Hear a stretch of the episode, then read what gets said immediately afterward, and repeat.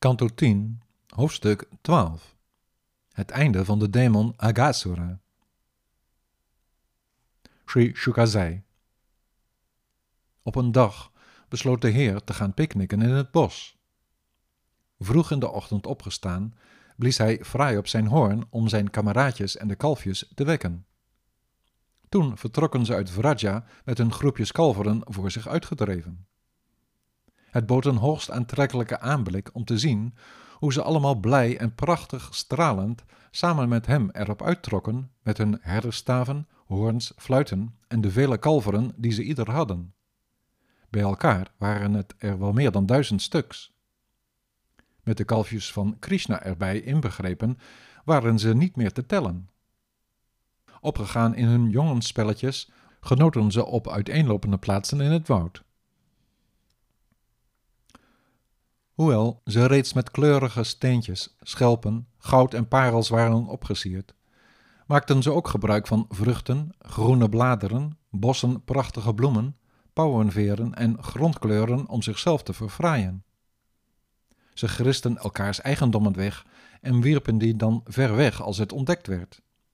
Anderen gooiden ze zo weer verder weg, maar dan werden ze weer met een lach teruggegeven. Als Krishna wegliep om de schoonheid van het woud te bewonderen, hadden ze er plezier in om ik was het eerst, ik was het eerst te roepen terwijl ze hem aanraakten.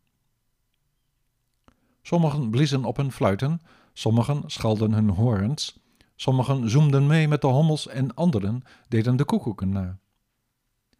Sommigen holden achter de schaduwen van de vogels aan, sommigen schreden elegant mee met de zwanen of zaten met de eenden even zo stil of dansten met de pauwen. Ze zochten naar jonge aapjes en sprongen met hen mee tussen de bomen als ze van boom tot boom slingerden. Ze sprongen samen met de kikkers, nat rakend in het water. Ze lachten om hun schaduwen en dreven de spot met hun eigen echo's. Op deze manier genoten ze van de verdiensten van hun voorgaande levens in vriendschap met Hem, die de allerhoogste goddelijkheid is voor degenen die verstrikt zijn in Maya. Hij, die het spiritueel geluk vormt voor die transcendentalisten die het aanvaarden om als gevolg daarvan van dienst te zijn. Yogis, bedreven in de zelfbeheersing, kunnen nog niet eens na vele jaren van boete doen het stof van zijn lotusvoeten bereiken. Wat een geluk hebben de bewoners van Vraja dan wel niet, voor wie hij persoonlijk aanwezig direct waarneembaar was.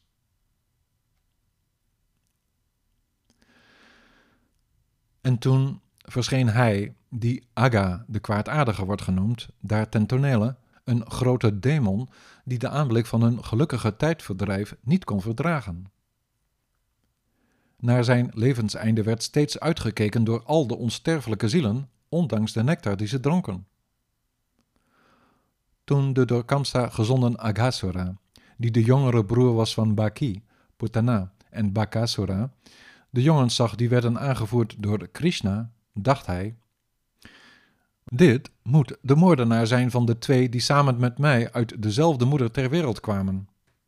Laat ik dan nu, omwille van hen twee, hem en zijn jongetjes om zeep helpen.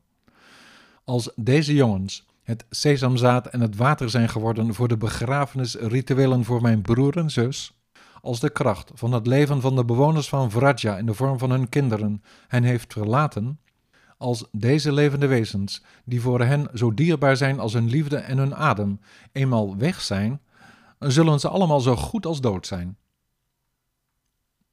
Met dat voornemen nam hij de wonderlijke gedaante aan van een zeer, zeer grote python die zich kilometers ver uitstrekte.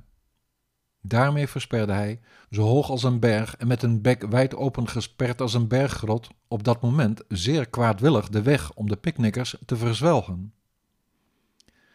Zijn bek wijd openhoudend, rustte zijn onderlip op de aarde en raakte de bovenlip de hemel.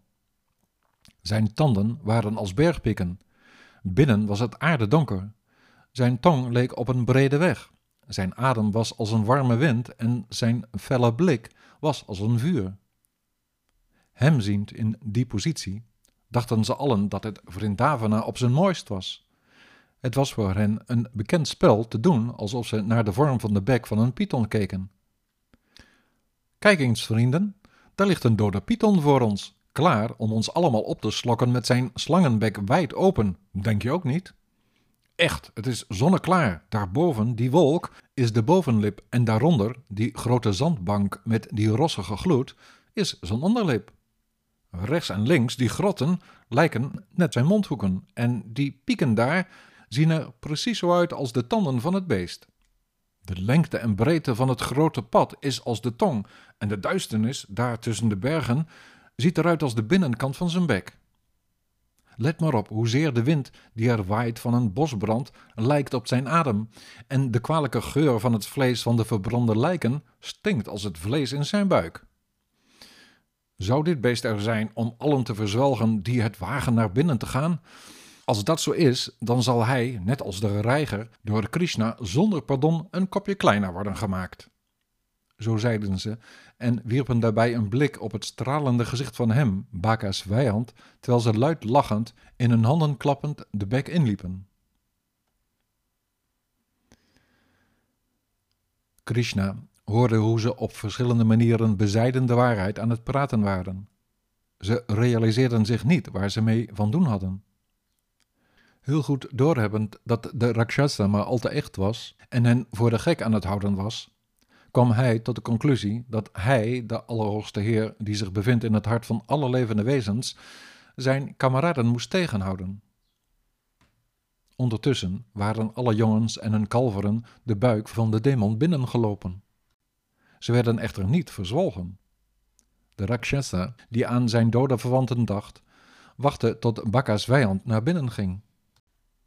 Krishna, die voor alles en iedereen de bron van onbevreesdheid is, stond versteld toen hij dat zag en betreurde vol mededogen deze wending van het lot.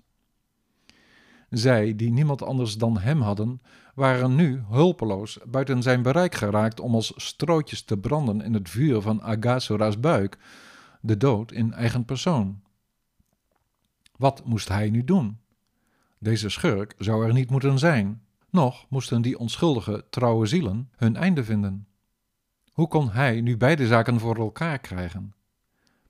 Bij zichzelf te raden gaand, wist de Heer, de onbegrensde ziener, wat hem te doen stond en liep hij de bek in. Op dat ogenblik riepen al de goden bevreesd van achter de wolken uit: Helaas, helaas! En stonden Kamsa en de andere bloeddorstige vrienden van Agasura te juichen. Toen hij dat hoorde, maakte Krishna, de Allerhoogste Heer die nimmer wordt verslagen, zich direct groot in de keel van de demon die probeerde de jongens en kalveren in zijn maag te pletten. Met die actie blokkeerden de luchtwegen en puilden de ogen van de heftig worstelende en kronkelende gigant uit hun kassen. De levensadem stokte in het inwendig geheel geblokkeerde lichaam en brak toen naar buiten door het schedeldak. Toen alle levensadem het lichaam had verlaten en Krishna de jongens en kalveren dood zag liggen, wekte hij, Mukunda, de opperheer, ze weer tot leven en kwam hij, door hen vergezeld, weer uit de mond tevoorschijn. Uit het lijf maakte zich een prachtig helder licht los dat op eigen kracht de tien richtingen verlichtte. Het bleef in de lucht wachten totdat de Allerhoogste Persoonlijkheid naar buiten kwam en ging toen, voor ogen van al de halfgoden, zijn lichaam binnen. Iedereen leverde vervolgens hoogst verheugd zijn specifieke dienst van aanbidding. Men liet bloemen neerregenen, de zangers van de hemel zongen, de hemelse dansmeisjes dansten, de halfgoden speelden op hun persoonlijke instrumenten en de Brahmanen brachten hun gebeden. De ongeborene Brahma, die dichtbij in zijn hemelverblijf het wonderlijke geluid hoorde van die voor iedereen zo hoogst gunstige gebeden, liefelijke klanken, liederen en verschillende vieringen, kwam meteen en stond versteld toen hij de glorie zag van de Allerhoogste Meester. O koning, nadat de huid van de python was uitgedroogd, werd hij een trekpleister voor de bewoners van Vrindavana, die nog lang, lang daarna dienst deed als een grot. Deze gebeurtenis, van de dood en verlossing van de slang en de bevrijding van hem en zijn metgezellen, die zich afspeelde toen de Heer vijf jaar oud was, werd door de jongens in Vraja pas een jaar later doorverteld, alsof het diezelfde dag nog was gebeurd. Hoe ondenkbaar dat ook is voor een onzuivere ziel, wekt het geen verbazing dat zelfs Agasora werd bevrijd van alle smetten en met het licht van zijn ziel wist op te gaan in de superziel. Hij hoefde maar even om te gaan met de allerhoogste schepper van het hogere en lagere leven toen hij zich voordeed als een mensenkind. Deze bestemming kent hij zelfs degenen toe die, net als Agasura, slechts één enkele keer innerlijk verbonden raakten met zijn gestalte vanwege een bepaalde geestesstaat in relatie tot zijn goddelijkheid, zelfs op een hatelijke manier dus. Wat zou dat dan wel niet betekenen voor hen in wie hij immer aanwezig is als de verdrijver van de illusie, als degene die altijd en eeuwig iedere ziel de realisatie van het bovenzinnelijk geluk gunt?